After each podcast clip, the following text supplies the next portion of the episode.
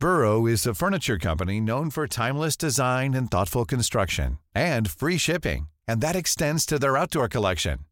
Their outdoor furniture is built to withstand the elements, featuring rust-proof stainless steel hardware, weather-ready teak, and quick-dry foam cushions.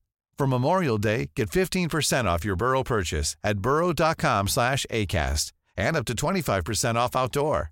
That's up to 25% off outdoor furniture at burrow.com slash ACAST.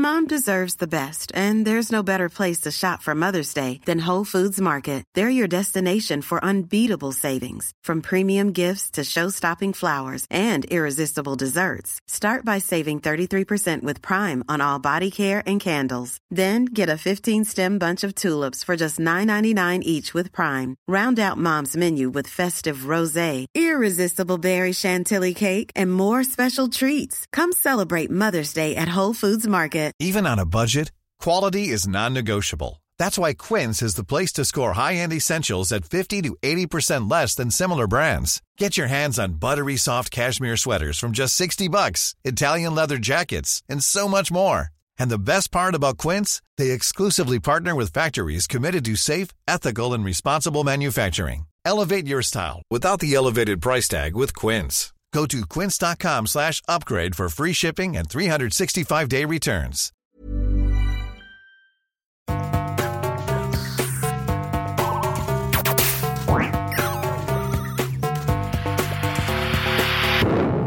Jeg heter Sondre Risholm Livre. Jeg er psykolog, og dette er Webpsykologens podkast. Hverdagspsykologi for eh, fagfolk og folk flest.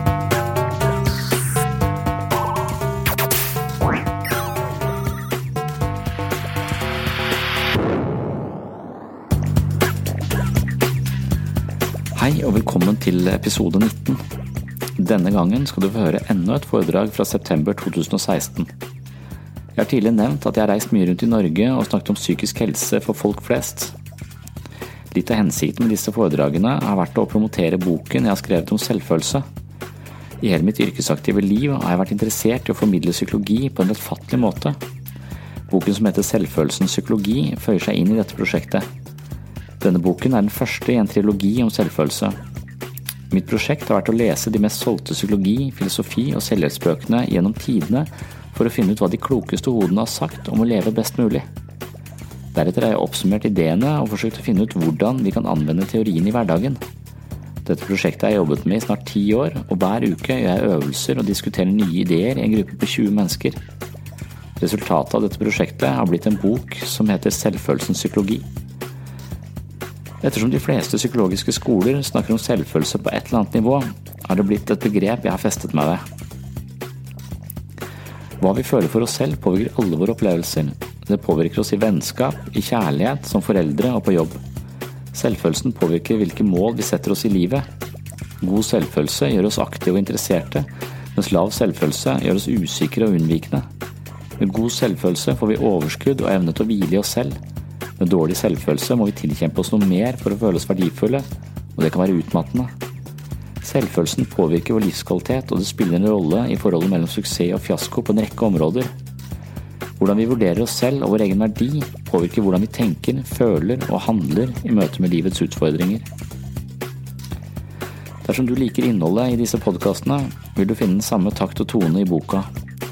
For deg som er interessert, håper jeg at du besøker webpsykologen.no, hvor boken er tilgjengelig for 305 kroner med fri frakt og rask levering. Etter nok et forholdsvis langt reklameinnslag for min egen bok, skal du få dagens episode som handler om personlighet. Noen mennesker tar seg til rette uten å tenke på andre. Noen forsøker å tilfredsstille alle andre, men glemmer å tenke på seg selv. Noen mennesker gjemmer seg bak en mur av mistillit og tenker alltid det verste om andre, mens noen mennesker er langt mer åpne og vennlige. Hvordan dannes menneskets personlighet? Hvilke faktorer er med på å forme oss? Og ikke minst, er det mulig å endre seg? Dette er sentrale spørsmål i dagens episode. Jeg vil på forhånd beklage litt dårlige lydforhold i dette opptaket. Jeg vil også minne om at plansjene jeg refererer til, finner du på webpsykologen.no under podkasten og episode 19.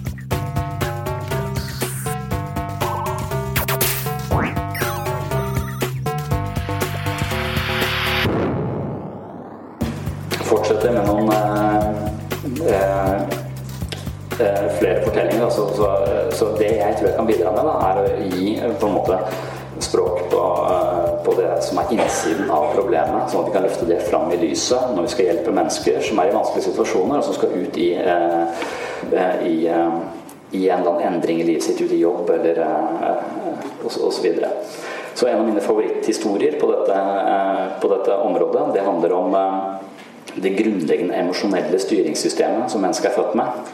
Og det handler litt om personligheten vår, om hvordan vi dannes som mennesker. Og jeg syns at det, dette perspektivet er ganske pedagogisk, for det har med seg veldig mange eh, forståelser av de vanligste psykiske eh, lidelsene eller psykiske utfordringene vi har. Så eh, ideen her er at alle mennesker er født med et grunnleggende emosjonelt styringssystem som ligger langt nede i hjernen vår, eh, og som eh, som på en måte vi deler med alle andre primater. Eh, det er noe vi tar med oss inn når vi kommer inn i livet. Noen sier at vi er født som en tom tavle. Det kan godt hende at vi er rimelig tomme, men, men vi har i hvert fall en del disposisjoner som sørger for overlevelse. Så det første som skjer med babyen, det er at den, det er det søke- og lystsystemet som er aktivert. Så en sunn og frisk baby søker mot puppen eller tåteflaska og har sånn sugerefleks. For det første, pri 1, det er overlevelse. Og får du da melk inn, så er det et sjekk på overlevelse. Da blir barnet rolig, du slutter å gråte. Så hver gang du kobler nå inn i munnen på barnet, så slutter du å gråte. Det er jo på en måte av-knappen på, på, en liten baby. Det er veldig godt at de har sånn av-knapp. Det er noen babyer som kommer uten sånn av-knapp. Det det er stress, altså. Dattera mi hadde sånn av-knapp. Sutt, het det. Eh, sønnen min han nekta den derre sutten. Eh, så, så, og det er jo sånn at eh, når, får, når, barn får noe i munnen, så på en måte reguleres følelser ned, og de blir rolige. Gjerne en pupp en tåteflaske eller en sutt. Eh, mens når, når, sønnen min ikke ville ha mer mat, og sutten ikke hjalp, han bare skreik likevel, så, så, tenkte jeg hva faen, det må være et eller annet jeg kan putte inn der som, som gjør at han stopper. Og da fikk jeg han til å begynne å røyke. Eh, eh, for det er sånn voksne mennesker putter ting i munnen for å regulere stress. tenker jeg at Det fungerer sikkert på han også, og det gjorde det. Nå var det at han røyka på senga da, som ble et, et problem. Og barnehagen var også veldig negative til det. Jeg syns de var litt prippende, egentlig. Eh, men så hvis ikke han røyker, så blir det et forferdelig leven, altså. Men en del av de ideene, da, og jeg er litt opptatt av Freud og sånn, det er litt gammeldags, men det er faktisk så gammeldags at det er litt moderne. Um, uh, så Freud snakker om dette som oralstadiet. Han snakker om de første 18 månedene som, som en viktig fase for nærhet og tilknytning og trygghet. Altså Det viktigste for barnet først er trygghet og nærhet. Eh, og når barnet på en måte oppdager at oi, nå er ingen her, så begynner det å gråte. Det er en sånn biologisk mekanisme hvor det slår ned en klaff inni hodet på barnet som stopper produksjonen av endorfiner, sånn at barnet får fysisk vondt, begynner å gråte, sånn at mor og barn, eh, eller far og barn kommer sammen. Eh, og det vi snakker om, at vi fikk noen sånne de, de, fleste mennesker har noen sånne type fikseringer eh, opp igjennom. At vi, vi, har, vi, har, av og til hatt det litt vanskelig eller blitt litt forlatt eller følt oss eh, ensomme osv. Og da tar vi med oss noen av de mestringsstrategiene vi brukte som barn, opp i voksenlivet. Og dette med å putte ting i munnen er noe vi har med oss, da, blant annet. Så når vi er stressa, så biter i negler, tygger på knoken, spiser overdrevent mye, drikker overdrevent mye. Eh, eller røyker, da, selv om vi veit vi dør av det. Um, og det er jo pussig at Så røyk i seg selv er ikke stressdempende, men det å få noe i munnen er stressdempende. Så røyk er egentlig en genistrek. da. Det bygger på menneskets naturlige måte å regulere ned følelser på. Særlig de som har hatt litt vanskelig. Uh, så det å få noe Folk sier at jeg var så stressa av å ha en røyk. Røyk er ikke stressdempende, men det å få noe i munnen er stressdempende. Så de kunne egentlig bare gått ut og så sugd på en pupp, f.eks. Så hadde det eh, også vært ganske eh, De kunne regulert det ganske godt ned pga. det. Men det er ikke sosialt akseptert, da. Da blir du lagt inn. Eh, en annen sånn artig ting i psykologien er at vi snakker om gode og onde pupper. Eh, eh, det er også et interessant fenomen. Gode pupper de er der når barna trenger de. Eh, onde pupper de er på Facebook eh, eh, når barna trenger det. Eh, det er jo gode onde tåteflasker òg, i et sånn politisk korrekt eh, perspektiv. Da. Men, eh, men jeg så en sånn svensk undersøkelse som viste at det å ha foreldre på Twitter, det er som å ha deprimerte foreldre. så oppmerksomheten er, er kanskje ikke der den skal. Så jeg har vel av og til forbannet min egen avhengighet til denne smarttelefonen. Særlig når du går glipp av målet som dattera di skårer fordi du skulle tvitre et eller annet utrolig interessant. Så, så det, det, er selvfølgelig det er kjipt. Så gode unge, uh, unge pupper. Det, og, og det, det, som på en måte også er litt nytt innen det, det som har bringt Freud inn på banen igjen, er sånn nevropsykologi. Uh, de er opptatt av hvordan dannes vi som mennesker. Og så viser det at en del av de tingene Freud eh, snakket om, det, det, kan man på en måte se også i nevropsykologien. Eh, og En av de tingene de har funnet ut av der, er at, eh, at hjernen eh, utvikler seg hele tiden. Hjernen er plastisk. Så, hjernen er ikke en sånn statisk størrelse som er helt låst, på en måte. Og det sa de når jeg var liten. For når jeg var liten, så sa de hjernen din den er, har så og så mange nerveceller, og hver gang du nikker en fotball eller drikker en øl, så dauer hundrevis av nerveceller. Så, så jeg regna med å, å nesten være hjernedød en alder av 30. Men det er jeg jo ikke. Nå er jeg 37. Det fungerer sånn fortsatt uh, greit. Men, eh, men pga. vranglæren så tenkte jeg at jeg måtte prioritere når jeg, var, uh, når jeg var ung. Så da var jeg veldig glad i fotball og veldig glad i øl. Uh, og begge de to tingene drepte jo hjerneceller. Uh, så jeg tenkte jeg måtte prioritere én av de. Så ble det øl på meg, da. Uh, men, og det er bitter for den dag i dag. For jeg tror at så motorisk sett så tror jeg kunne spilt i sånn andredivisjon i fotball. Jeg var egentlig ganske god, men pga. mangel på trening da, og prioritert øl isteden, så, så spiller jeg bare i bedrifts, på bedriftsidrettslaget. Sjuende divisjon spiller jeg også. dritdårlig.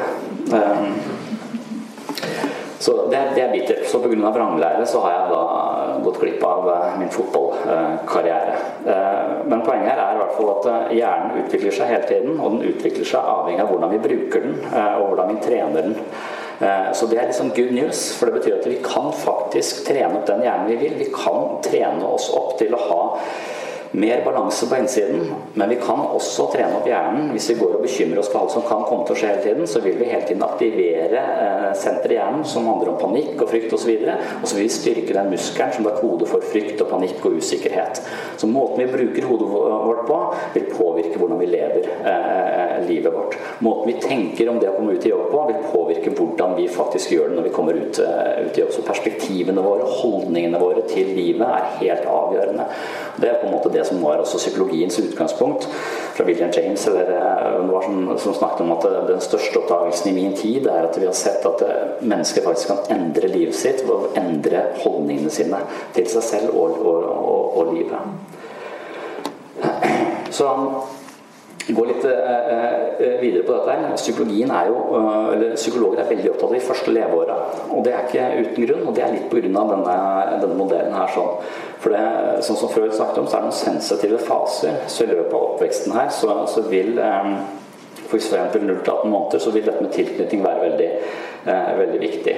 Når mor ikke er der, eller far ikke er der, så vil panikksystemet eh, sette inn, slå ned en klaff opp i hodet, stoppe produksjonen av nerfiner og gjøre så barnet fysisk får vondt, begynner å gråte for å påkalle seg oppmerksomheten.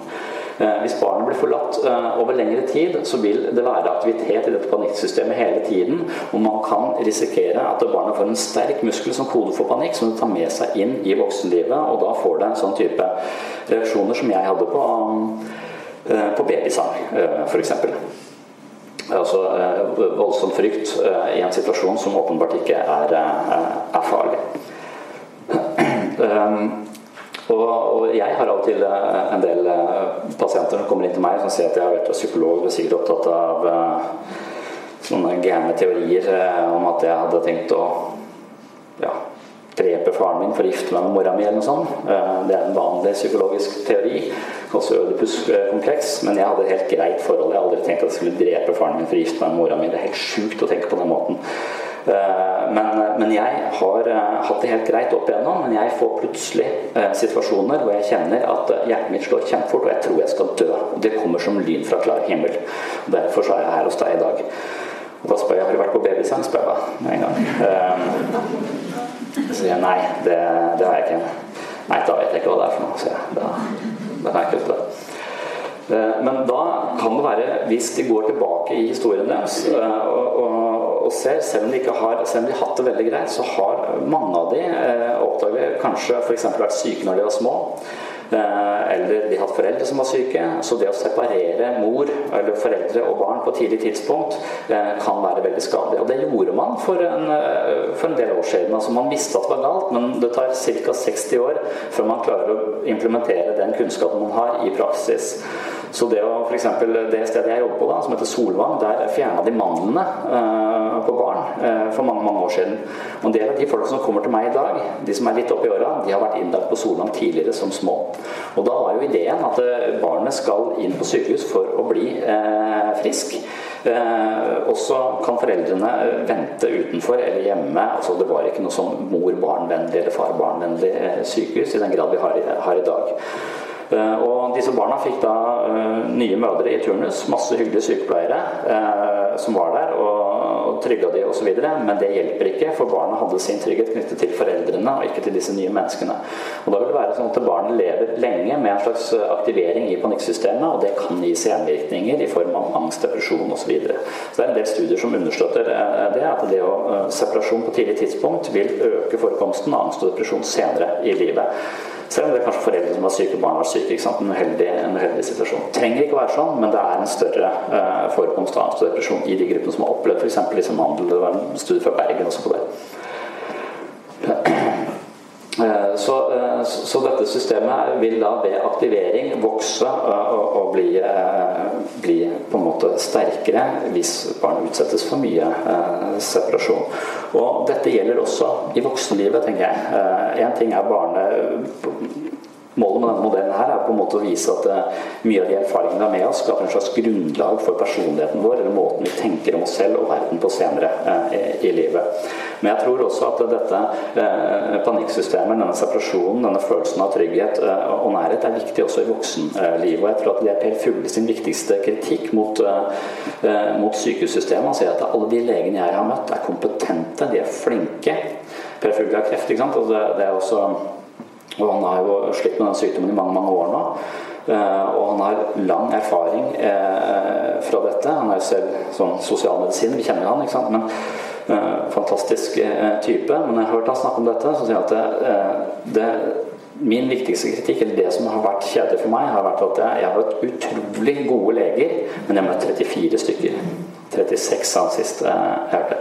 Så det at han hele tiden har møtt nye mennesker, alle er dyktige, men hele tiden møter nye mennesker, det skaper en utrygghet i han som aktiverer panikk- og fryktsystemet. Så den relasjonen han trenger til å kjenne en annen som kjenner han, som kan på en måte være sammen med han gjennom en vanskelig fase eh, i, i, livet, den har uteblitt pga. turnuser, pga. det, pga. det. Han har hatt så mange spesialister inne, han har blitt kjent med så mange forskjellige, og det skaper uro eh, i folk.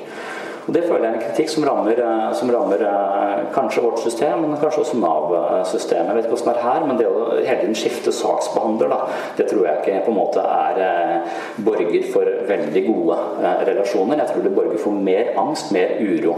Og Jo mer angst og mer uro et menneske har, jo mindre sannsynlig er det at det klarer å gjenvinne livet sitt på den måten, eller å nå det potensialet det egentlig har.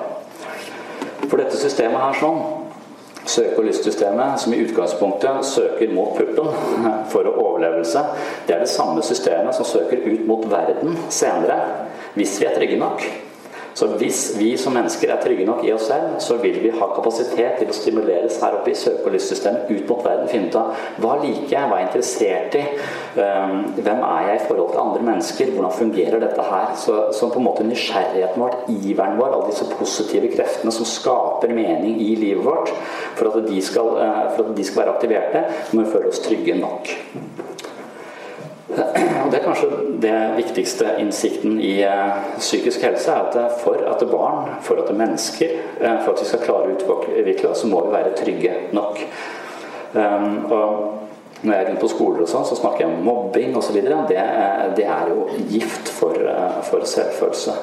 Det å, å, på en måte føle seg utrygg i tilværelsen sin, det gjør at du har all energien din bundet opp i, i frykt- og panikksystemer, alarmberedskap. Du har ikke mulighet til å lære noe som helst.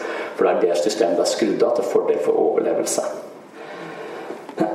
Så det kan man tenke på. Det å ha det er gode relasjoner, åpne relasjoner, og det å ha kontinuitet i relasjonene skaper trygghet som kan skru av noe av den aktiveringa her nede som veldig mange mennesker har ut i nye situasjoner. Det å sette språk på det, tematisere det, kan også skru av disse bryterne, sånn at vi kan klare å stimulere den nysgjerrigheten, den motivasjonen, det vi trenger for å folk, eh, hjelpe folk videre. Det er en del av inkluderingskompetanse, tenker jeg, i hvert fall en del av relasjonskompetanse det å vite om disse her og ha et bevisst forhold til dem når vi er, eh, møter eh, eh brukeren, eller jeg kaller pasienter, eller jeg vet ikke hva dere kaller det. Dere kaller det ikke pasienter, sannsynligvis, for det er ikke det. det, er ikke det. Here's a cool fact. A crocodile can't stick out its tongue. Another cool fact, you can get short-term health insurance for a month or just under a year in some states. United Healthcare short term insurance plans are designed for people who are between jobs, coming off their parents' plan, or turning a side hustle into a full time gig. Underwritten by Golden Rule Insurance Company, they offer flexible, budget friendly coverage with access to a nationwide network of doctors and hospitals. Get more cool facts about United Healthcare short term plans at uh1.com. Wow! Nice! Yeah! What you're hearing are the sounds of people everywhere putting on Bombas socks, underwear, and t-shirts made from absurdly soft materials that feel like plush clouds. Yeah, that plush.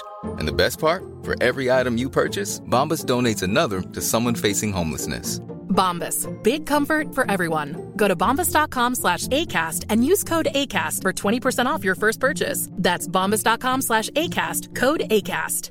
Hiring for your small business? If you're not looking for professionals on LinkedIn, you're looking in the wrong place. That's like looking for your car keys in a fish tank. LinkedIn helps you hire professionals you can't find anywhere else, even those who aren't actively searching for a new job but might be open to the perfect role. In a given month, over 70% of LinkedIn users don't even visit other leading job sites. So start looking in the right place. With LinkedIn, you can hire professionals like a professional. Post your free job on linkedin.com slash people today.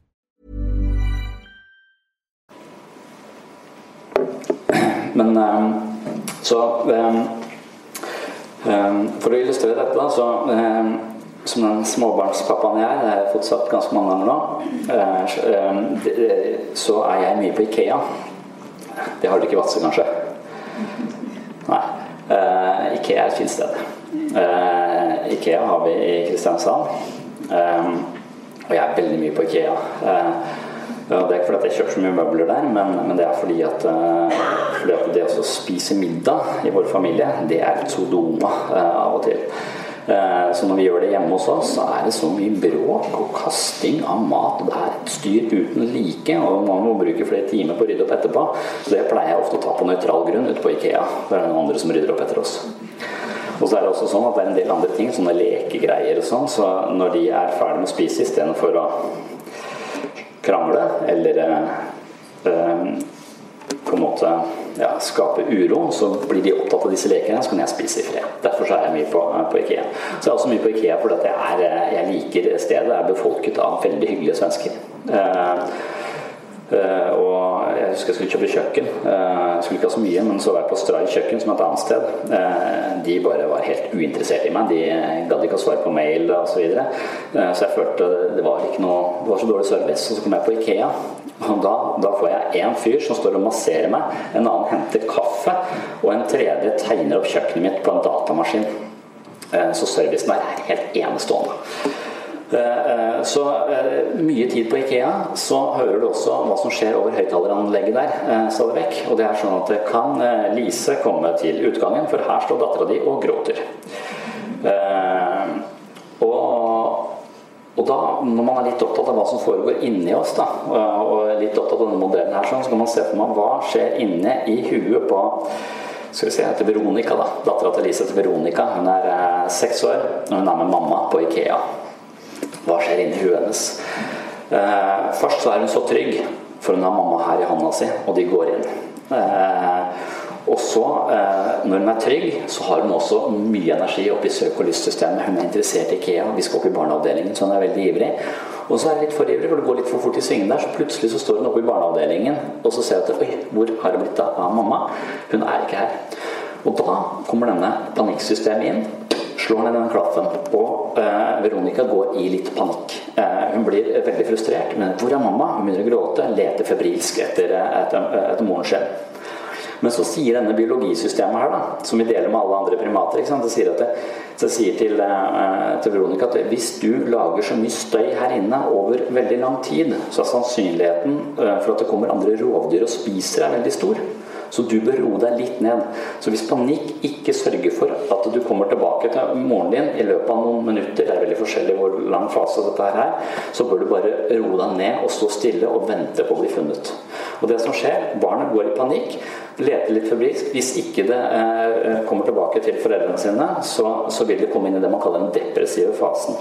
Og da har Veronica forvilla seg helt inn i lampeavdelingen, og da står hun ganske stille under en lampe og gråter og venter på å bli funnet, sånn at ikke andre rovdyr skal komme og spise henne. Og Da er det snakk om de grønne krokodillene, som er, eh, som er på ikke ganske store, de. Eh, og da kommer disse hyggelige svenskene. Eh, og så sier de 'Hei, har du mista mammaen din? Skal jeg hjelpe deg?' Og, og da ser jeg fra å være trygg og interessert til panikk, til den depressive fasen, til å havne nede ved inngangen eh, hvor de roper opp Lise over høyttalersystemet, og så kommer moren til Veronica ned. Og da er det også litt sånn Dette handler om tilknytningsteori. Hvordan reagerer Veronica nå? Eh, det kan man snakke en hel, hel dag eh, om. Men det er ikke helt uvanlig.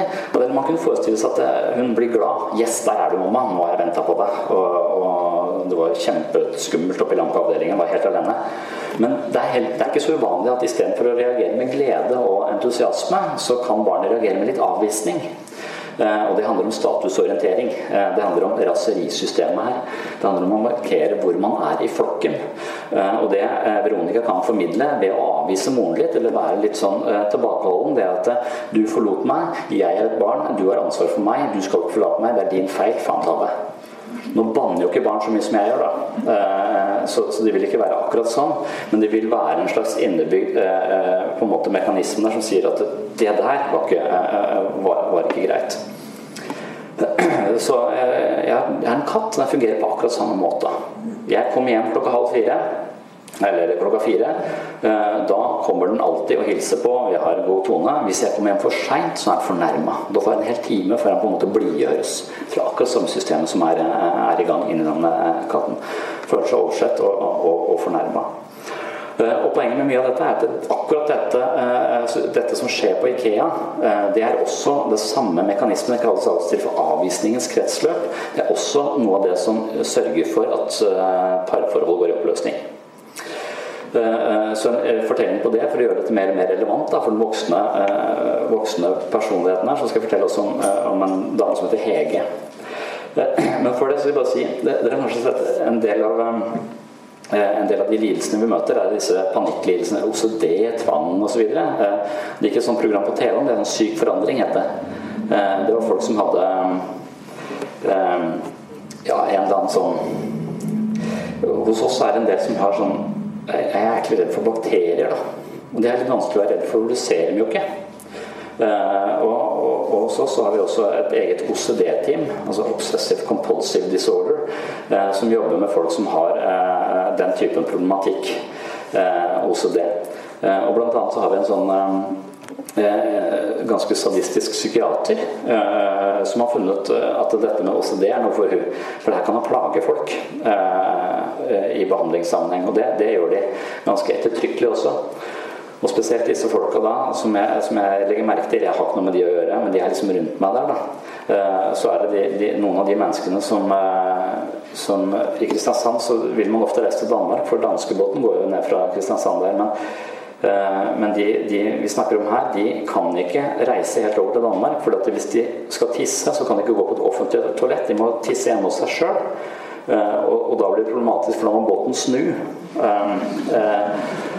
Eh, for de kan ikke gå på et offentlig toalett, for da får de disse bakteriene på seg. Og ideen deres er at de jeg vet ikke, tror de, tror de kommer til å dø av det. da, Eller dette systemet. Disse 95 forteller, forteller det.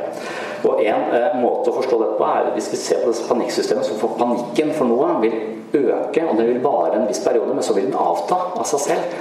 Eh, og behandling for disse Eh, OCD-folka er bl.a. det at når du har bakterier på deg, så vil panikken din øke. Når du er på topp her, så vil du trekke deg unna, så vil du løpe og vaske hendene dine, og så vil du puste lettere og tenke 'yes, jeg overlevde' i siste liten. Så vil du lære hjernen din, fortsette å lære hjernen din at det med bakterier er livsfarlig, hold deg unna. Eh, det den sadistiske psykiateren er opptatt av, er at de skal tvinges gjennom denne fasen og sitte med bakterier eh, på seg helt til de er gjennom panikken og de kommer inn i den depressive fasen. Eh, for å avlære hjernen sin at du ikke dør av disse, disse bakteriene. og Det er det som kalles eksponeringstrening. Da, gjøre det man er, er, redd for. Man skal være veldig bevisst hva man driver med, driver med det. Men for meg så er det, det er forferdelig å det er egentlig blitt et stort problem. For de folka de sitter inne der jeg spiser, nemlig. På kjøkkenet der jeg henter maten min og sånn. Og da sitter de Og det de driver med, er at de vasker hendene i do. Og så tørker de seg i håret, og så blir de satt inn på kjøkkenet der jeg spiser. Og så skal de vente sitte der i flere timer med dovann i håret. Og de er dritredde for bakterier i utgangspunktet. Og jeg er ikke noe glad i bakterier heller, så når jeg kommer inn der, så sitter de helt grønne i trynet og stirrer på meg. ikke sant? Så tenkte jeg er det dovann i håret? Og så sitter de bare og nikker. Så hva faen gjør dere her inne på kjøkkenet? Det er utrolig ekkelt, sier jeg. Uh, og da mener hun psykiateren at jeg på en måte gjør ting verre for dem, da. Men, uh, men jeg syns det er ille for meg, også at det går rundt med så mye bakterier i gangene der jeg eh, jobber. Så jeg kjøpte en bøtte med antibac som jeg satte inn på kontoret mitt. så hver morgen så steriliserer jeg hele kontoret, for jeg er litt redd for at de er inne hos meg på ettermiddagstid, nemlig. Det har jeg tatt med de flere, flere ganger. Eh, men det er i hvert fall behandlingen for også det. Det handler om dette panikksystemet som skyter i situasjoner hvor det, eh, eller som aktiverer situasjoner hvor det ikke er farlig, som vil avlære eh, disse tingene. Jeg skulle snakke kort om Hege. Hege hun mista faren sin da hun var fire år. Hege er en av de menneskene jeg møter. Dere møter henne også. Hege mista faren sin da hun var fire år. Han døde ganske brått av hjerteinfarkt og ble borte. Hun hadde et veldig godt forhold til faren sin. Eh, de var veldig glad i hverandre. Hadde sånn rutine at hun vinket til ham eh, eh, hver ettermiddag. Sto i vinduet og vinka når han kom hjem fra jobb, og så løp hun ut i gangen og ga ham en klem. Det var sånn rutine de gjorde hver, hver ettermiddag. Men plutselig dag så kommer han ikke, så Hege står på stolen i vinduet og venter. Han kommer ikke. Den ene dagen, andre dagen, tredje dagen. Han, han kommer ikke igjen. Ideelt sett nå så har Hege da en, en mor som kan fortelle henne noen historier om engler, kanskje. Et eller annet sånt noe en buffer mot døden, forklare henne, ta vare på henne og støtte henne i denne, eh, i denne fasen hvor pappa har blitt borte. Eh, men moren til Hege hun blir så lei seg selv, hun blir så deprimert og, og, og, og har det så vanskelig etter ektemannens død at hun ligger bare inne på rommet og gråter. Så Hege står i vinduet og er avvist av pappa i død, og hun er avvist av mamma i depresjon, på sett og vis. Så mamma lukker døra inn på rommet og ligger der og gråter. Hege står i vinduet, og pappa er borte. Eh, det som skjer inni Hege da, er at panikk- og fryktsystemet hennes er aktivert. Det viktigste for et barn det er å føle seg trygg. Eh, det er en trygg base. Eh, så når denne basen på en eller annen måte vakler, når vi ikke har det trygt hjemme, så vil all energien til Hege være bundet opp i å føle seg trygg nok for, for å kunne leve, på, på sett og vis. Så Hege utvikler en strategi hvor hun prøver å være så snill hun kan mot mamma, så mamma ikke skal begynne å gråte. Så hun begynner å liste seg rundt og, og, og gjøre ting for mamma, varte henne opp og på en måte gjøre alt hun kan, så mamma ikke skal være lei seg. For hvis mamma er lei seg, så er det ingen som kan ta vare på meg. Men hvis mamma har det bra, så kan hun ta vare på meg, og da er jeg trygg. Det blir en strategi, eh, det blir en sånn på en måte en væremåte hun eh, legger seg til. Og når hun da eh, kommer, begynner på skole osv., så, videre, så tar hun med seg denne strategien. Prøver å please andre for ikke å bli avvist. Og de som i for stor grad prøver å please andre for ikke å, å, å bli avvist, de blir lett mobba. Så Hege kommer da inn med denne 'unnskyld at jeg er til', og jeg håper at dere kan prøve å hele tiden være på en måte på sett og vis undergrave egne behov og prøve å please andre, så, så, vil hun eh, ganske kjapt bli plukka ut av de som har en hang til mobbing. Og det kjipe er at de som har en hang til mobbing, de har ofte en litt lik bakgrunn som, eh, som Hege. Det er i hvert fall min erfaring at de som, de som, mobber, har også følt en form for utrygghet hjemme. Men istedenfor å prøve å please andre for å bli trygge, så har de prøvd å ta makta. Det er et litt annet temperament, kanskje. Så, så en måte å mestre denne følelsen av å være alene og forlatt uh, på, er å ta makta på skolen og være på toppen. Da kan ingen ta meg. Så for å unngå den sårbarheten så stiller de seg på toppen og prøver å kue andre sånn at ingen kan ta, eh, ta de. Eh, så denne underliggende følelsen av å ikke ha, det, ha noen trygg base, kan man enten mestre da og prøve å please andre, eller eh, ta makta eh, fra andre. Så de, de, er litt like som bakgrunnsmessig sett, men strategien de velger for å føle seg trygge, er helt forskjellige, og de ødelegger eh, hverandre.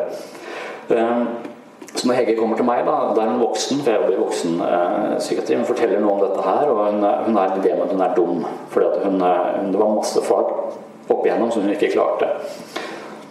Og Jeg er ikke så god på utredning, og sånn, men eh, man, vi har noen tester som kan si noe om eh, intelligensnivået til folk. I hvert fall én form for intelligens. da, En ganske snever form for intelligens, jeg påstår. Men, men det kan i hvert fall eh, si noe om, uh, om, hennes kognitive evner. Og Den testen tar vi, og det viser seg at hun ligger helt innenfor normalområdet.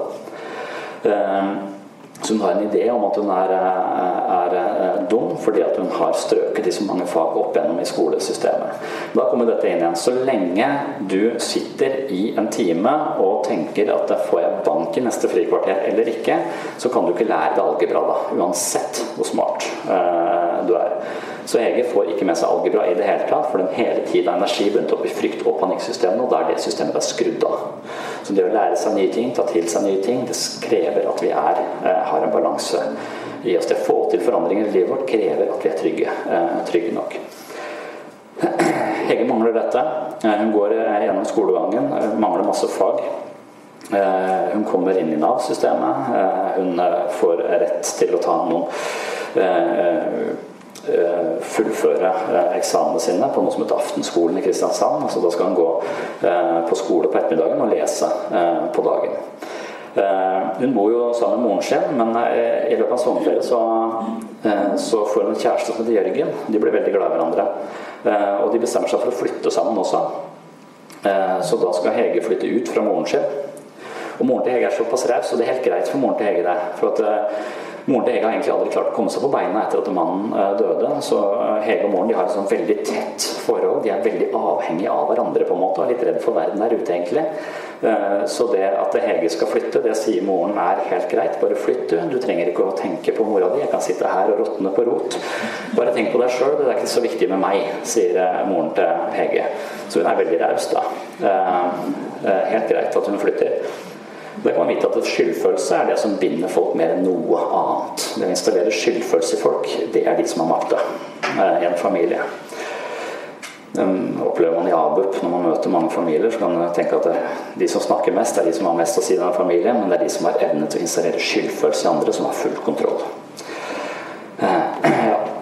Men likevel så klarer Hege med mye brask over ham å flytte fra, eh, fra moren det er godt nok bare to hus ned i gata, men, eh, men, det er likevel eh, et stort skritt for henne. Hun flytter sammen med, med, Jørgen, de er veldig glad i hverandre, og det er sommerferie. Eh, så ting går greit. Men så kommer hverdagen, og da skal Hege lese algebra. Mens Jørgen han er tømrer, så han var på jobb, så han går halv åtte. Idet Jørgen går ut døra, så, og døra går igjen, så får Hege hjerteinfarkt. Hun tenker at det ligger til familien. Eh, så hun går til fastlegen. Hun er sjuk. Hun ringer til Jørgen. 'Du må komme hjem. Eh, jeg har det kjempevanskelig. Jeg er sjuk.' Når han kommer hjem, så hjelper det. Eh, og sånn fortsetter det. Hege går til mange undersøkelser. Det viser seg at hun har ikke noe fysisk sykdom ved seg. Men det som selvfølgelig skjer, er at når denne døra smeller igjen, så er det disse 95 som forteller Hege at nå går han ut. Han kommer aldri tilbake. Det er den samme døra som smeller igjen, som smalt igjen etter pappaen din, som smalt igjen etter mammaen din når hun lå inne på, uh, på rommet og gråt. Så nå er du helt alene i hele verden. Du klarer deg ikke sjøl, du kommer til å dø. Det sier disse 95 men de har ikke noe stemme. Uh, de bare kommuniserer utenfor bevisstheten vår og går etter hjertet og, og skaper denne uh, voldsomme frykten, dette anfallet av, av, panikk, som man lett kan tolke som, som, fysisk sykdom, og som mange tolker som fysisk sykdom lenge. Når fastlegen din sier at du bør, eh, bør ta en tur til han der eh, Ingvar Wilhelmsen eh, på Vestlandet, så har du vært der litt for mye med problemer som han ikke tror på. Jeg skulle min fastlege foreslå det når du er veldig fornærma, altså. Så det som skjer med, med Jørgen, er at han føler at han er på feil sted hele tiden. Han er veldig mye hjemme med syk kjæreste, men sjefen hans sier at hvis du skal være hjemme med syk kjæreste, så må vi finne en erstatter for deg. Du kan ikke være hjemme fra, fra jobb, så han må gå på jobb. Han føler han burde vært hjemme. Eh, og, og og han føler helt innan mellom barken og veden. Hege sitter, eh, sitter, hjemme. Døra smeller igjen. Hun får den voldsomme, forferdelige følelsen inni seg. Men, eh, men, hun, eh, men, etter hvert så vil hun komme ned i den depressive fasen. ikke sant? Og, men det å lese algebra i depressiv fase er heller ikke så lett. Så det hun sitter, hun sitter og bare ser på klokka. Når, når kommer han hjem? Kommer han snart? Osv. Så, videre. så hun, hun, er veldig opptatt av, av dette. Hun sitter bare og teller timer til Jørgen kommer hjem. Eh, og når han da kom igjen, så kommer han et kvarter for seint. For han har truffet en kar på butikken som ikke har sett på en stund. Slår han prat. Og når han kommer da en sånn 30 tekstmelding på telefonen hvor det står 'Hvor er du?' med sånn capslock på. Eh, stor bokstav. Eh, og da krangler de. Og dette er avvisningens kretsløp. Fra å på en måte føle seg trygg sammen med noen, til å få panikk, til å gå eh, inn i en mer depressiv fase, til når han kommer tilbake, istedenfor å føle glede, så føler han en slags antipati. Han er ansiktet på hennes avhengighet. Han er ansiktet på den delen av henne som fortsatt er et lite barn, som på en måte er livredd i, i, i verden. Så hun er avhengig av ham, og hun hater ham fordi at hun er avhengig av ham. Og så krangler de. Eh, og Til slutt så orker ikke mer, så går han fra henne, og da kommer hun til meg. Hun blir innlagt på, eh, på døgnpost, for den prøver å ta livet sitt. Hun sier at alle mennesker som jeg er glad i, de forlater meg. Og Det er hennes mønster. Og Det er også det psykologien viser oss, at det er veldig mange av de mest skadelige relasjonene vi hadde når vi vokste opp, de gjentar vi i voksenlivet. Så hennes måte å være på, hennes ubevisste mønster, er skrudd sammen på den måten at hun sørge for å prøve å få bekrefta som hun tenker om seg selv. Og det er det vi gjør. Selvfølelsen vår sørger vi, eller prøver vi å få bekrefta. Så måten hun tenker på seg selv, eh, om seg selv på, den vil hun gjenskape i nye relasjoner. Det gjør hun ved at hun f.eks. når uh, hun ringer med, uh, til venninner, så legger hun aldri på. Hun bare snakker og snakker. For det hun legger på, så kommer det et panikksystem inn. Det er ubehagelig å si farvel, så hun dropper det. Eh, så, eh, så, så denne, denne, frykten som er inni henne, det gjør at når folk ser Hege på displayet, så gidder de ikke å ta telefonen, for det tar altfor lang tid. Eh, og Derfor så blir hun gradvis avvist der. Når jeg jobber på døgnpost, så kommer hun og stiller meg veldig viktige spørsmål fem på halv fire. Hun vet at jeg skal hente i barnehage, handle, bla, bla, bla. Jeg har mye å gjøre fra klokka halv fire utover. Så klokka halv fire så går jeg. Og da går jeg midt i et veldig veldig viktig spørsmål som hun stiller, og så må jeg avvise henne.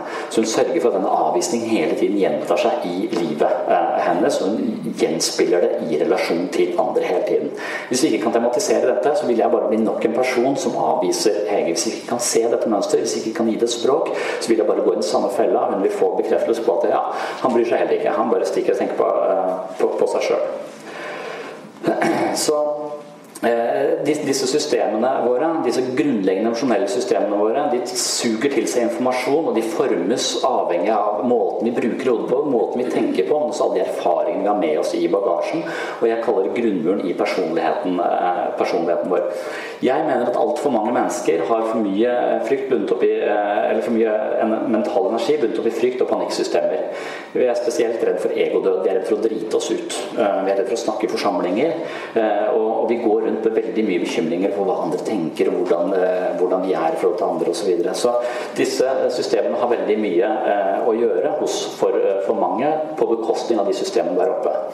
Hvis du vil ha mer balanse og ro inni deg, så kan du prøve å lodde dybden i deg sjøl. Det er psykoterapiens vesen. Løfte et opp, se mønstrene dine, og så endre mønstrene dine.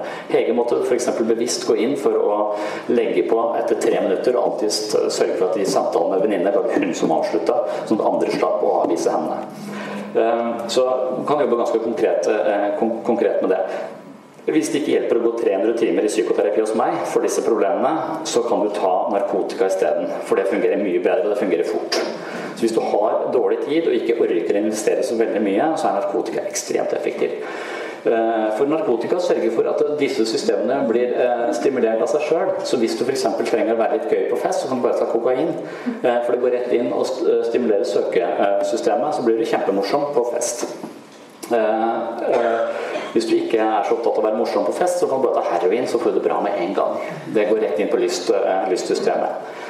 Problemet med det, og det som jeg sier til folk når jeg anbefaler narkotika, er at du må vite hva du driver med, og så må du vite at du har råd til det, for det er ganske dyrt. Eh, så hvis du først har tenkt å begynne på det, så bør du holde på eh, resten av livet, for det er fryktelig vanskelig å slutte. For hjernen er sånn at egentlig kan hjernen kan produsere stoffer her oppe hvis du klarer å skape mening i livet ditt. Hvis du har en jobb, hvis du har et meningsfullt liv, så kan vi stimulere den delen eh, av, av hjernen vår. Men det krever ganske mye jobb og innsats. Eh, hvis du ikke orker det, så kan du ta, eh, ta narkotiske stoffer, men da må du også vite at hjernen din blir litt lat av det. fordi at Istedenfor å produsere disse stoffene sjøl, så tenker han at jeg får de, de stoffene fra han fyren i boblejakken nede på hjørnet, så jeg trenger ikke å produsere disse stoffene lenger. Eh, og da blir du avhengig av han fyren i boblejakke, og han er ikke alltid så hyggelig. Eh, så han kan bli litt rang innimellom, så det, det er ulempen med dette her.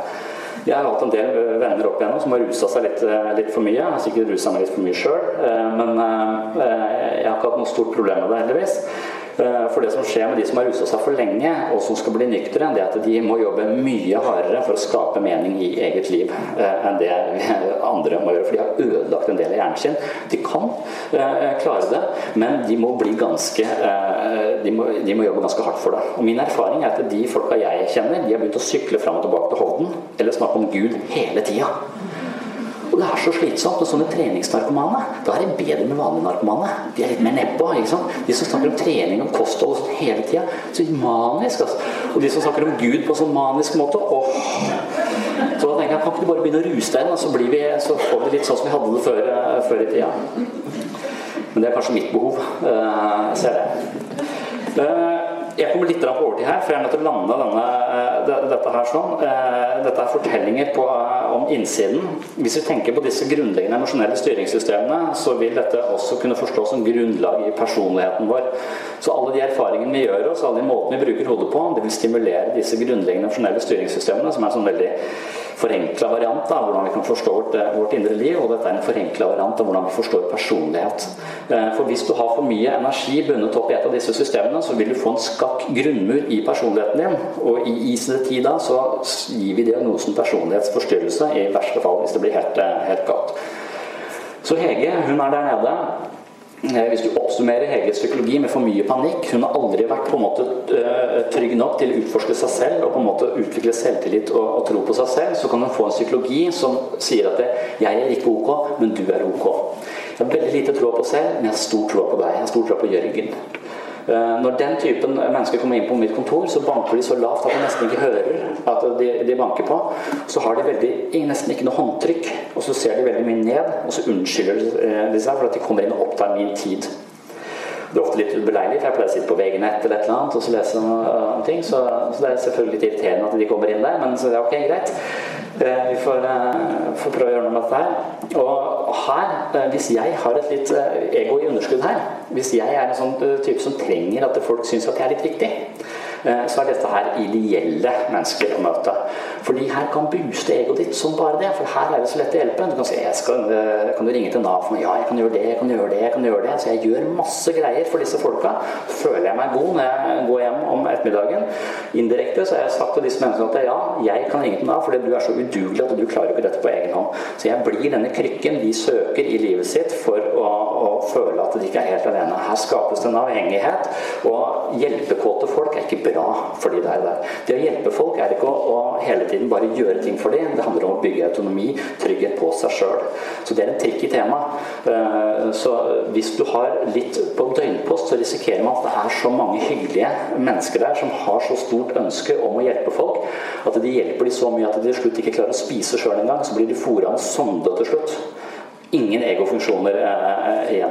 Så Det er vanskelig. det er sånn. De, på en måte, når det er stor tro på andre, så er det lett å bli litt smigra og glad for det og føle seg litt bedre. Men man skal være litt forsiktig i disse relasjonene. Man skal vite dette. Man må, må se gjenskaper vi noe dårlig mønster her som egentlig bare undergraver personens selvfølelse enda mer. Det er viktig. Eh, for alle som jobber med, med disse, disse folka. Eh, altså, alt som jobber med mennesker generelt. Hva slags relasjon vi går inn i. Vær mer oppmerksom på det. Der nede til venstre så har du eh, det der den avhengige personligheten. Nederst til venstre der så har du mer frykt. Eh, det var ikke sånn at moren til Hege nødvendigvis var så slem mot henne, men hun var bare hadde nok med sitt eget. De som har den psykologien der borte hvor det er for mye energi bundet opp i fryktsystemet, har ofte da, kan man oppsummere det, 'jeg er ikke ok', og 'du er ikke ok'. Jeg har ikke noe tro på meg, men jeg har ikke noe tro på deg heller. Og Det er en enda vanskeligere posisjon å være i. Det er eh, som om de møter verden med en mur av mistillit. Eh, så de har erfaring på at folk ikke på en måte er der for å hjelpe. og, og sånn. Jeg er dårlig, jeg kan bare henge meg på de der, så hjelper de meg. Her er erfaring at jeg har ikke noe trua på meg selv, men jeg har ikke noe trua på andre heller. Jeg tror at andre er ute etter å jukse, manipulere, har sin egen agenda, eh, vil meg et eller annet, men ikke det er et eller annet skjult i kortet her, så det er best å holde en viss avstand. Så dette er den unnvikende og skeptiske personligheten. Her er det følelsesmessig kaldt, der er det følelsesmessig mye varmere. Nei, der er det følelsesmessig kaldt, her er det følelsesmessig eh, varmere. Så de er, eh, de er på en måte holder kort og tett eh, til kroppen. Når de kommer inn på mitt kontor, så spør jeg ja, hvordan har du de da? Så svarer de da nei, hvordan har du de da? De vil ikke svare. De vil, de vil, ikke, de vil ikke, si. Det er veldig vanskelig å komme inn på. De lever litt i en, en emosjonell ørken. altså. Det er veldig vanskelig ikke å tro på seg selv, ikke å tro på noen andre kan hjelpe deg heller. Enda lenger ut her så kommer du opp mot det mer paranoide, hvor du har veldig masse konspirasjonsideer om hvordan verden der ute er der for å skade deg. Hvordan Nav-systemet er korrupt og osv. Det er en del som har disse eh, veldig klare ideene om hvordan autoriteten at eh, det Følelsen av å være liten i en stor verden manifesteres i sånne konspirasjonsteorier. Og så kommer de opp. Her nede er det lite selvhevdende. Her oppe det er de dominante følelsene. Det er selvhevdelse, det er raserisystemet, det er å stå på sitt. Det handler om statusorientering. I verste fall så får jo folk som har for mye energi bundet opp der oppe. Det betyr at det er jo raserisystemet, så det er veldig mange forståelser av hvordan man kan havne i en sånn type narsissisme, eller sånn som vi har der oppe. Men der er ideen at jeg er ok, men det er ikke du. Veldig stor tro på meg selv, men ikke så stor uh, tro på andre, andre mennesker. Noen sier at det er servicebarna havner der, de som på en måte går gjennom livet uten motstand, hvor foreldrene driver og er sånne curlingforeldre. Så de erfarer at det å skrike høyt nok, det gjør at jeg får det sånn som jeg vil. Og det å bli voksen handler jo egentlig om å skjønne at du får ikke som du vil. Det er flere hensyn å ta her. Så fra at verden svinger ut barnets egen navle, så må det læres at det er mange andre hensyn jeg også må ta. Jeg må ta hensyn til mamma, pappa, familien, skolen, nabolaget, fotball. Så horisonten vår utvider seg, og evnen til å innta andres perspektiver utvides. og Det skaper empati, og det skaper balanserte og gode mennesker som klarer å innta andres perspektiver. Mindre og mindre egosentrisme, mer og mer øh, retta ut og forståelse for andres, øh, andres, ting. Men i verste fall så har du folk da som vanlig ikke har dette, bare opptatt av meg, øh, meg og mitt. de kommer heldigvis ikke så mye i psykisk helsevern. Men du finner de i næringslivstopper og i fengsel. De har spisse albuer, de der. Når de kommer en sjelden gang, det er psykisk helsevern, så banker de så hardt på døra at jeg skvetter. Og når jeg åpner, så tar jeg med hånda så hardt at jeg hører det knaker inne i, i hånda mi. Og så stirrer de meg inn i øynene så lenge at jeg må se ned. Og så går de forbi meg inn på kontoret, og så setter de seg i min stål, lener seg tilbake, tenner opp en røyk og blåser røyken rett i trynet på meg og spør hvor gammel er du? Da er jeg så stressa og føler meg så liten. Eh, og så legger de til at vet du, jeg har ikke noe problem, det er kona mi som har et problem. Hun har oppdaget at jeg er utro igjen. Hun må skjønne at jeg er en mann som trenger flere kvinner for å være tilfreds. Så hun er helt hysterisk. Så nå har ha sagt at hvis ikke jeg går og jobber med meg sjøl, så vil jeg ta et skilsmisse. Og det har verken tid eller råd til. Så kan du si at jeg har vært her, så kan vi avslutte litt tidlig. Så jeg, så jeg ja, det er greit. Bare gå heldigvis så slipper vi de folka der i psykisk helsevern. De er ute i verden, de. Og plager andre folk enn meg, heldigvis. Og så har du han fyren der òg, da. Jeg er ok, du er ok. Det er dugnadstypen. Han er ålreit. For det er det positive. sant? Det, det, han har sannsynligvis vært trygg nok, fått troa på seg selv, fått tilbakemelding på at han er god nok, har en idé om at jeg er god nok, og har også en forestilling om at andre mennesker gjør så godt de kan, er ok. Jeg er ok, du er ok. Hvis de kommer i behandling, så er det fordi de har vært på for mange dugnader. Uh, og det koster uh, bare et par 300 kroner, og, så kan du spytte ned istedenfor å gå på. Så det sier vi Betal 300 kroner neste gang istedenfor å gå på dugnad, så er, kommer alt i balanse. Takk, sier de. Så er vi ferdig med det. Så de slipper da 300 timer psykoterapi.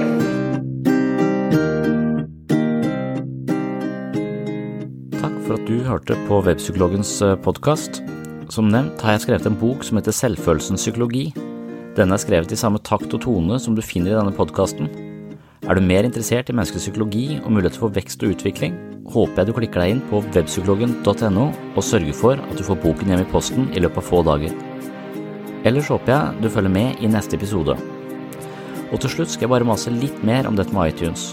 Dersom du liker denne podkasten, vil jeg sette utrolig stor pris på om du vil gi den noen stjerner inne på iTunes. gode skussmål her inne, altså på iTunes, er veldig verdifullt for dette podkastprosjektet. Og så er det bare å si på gjenhør.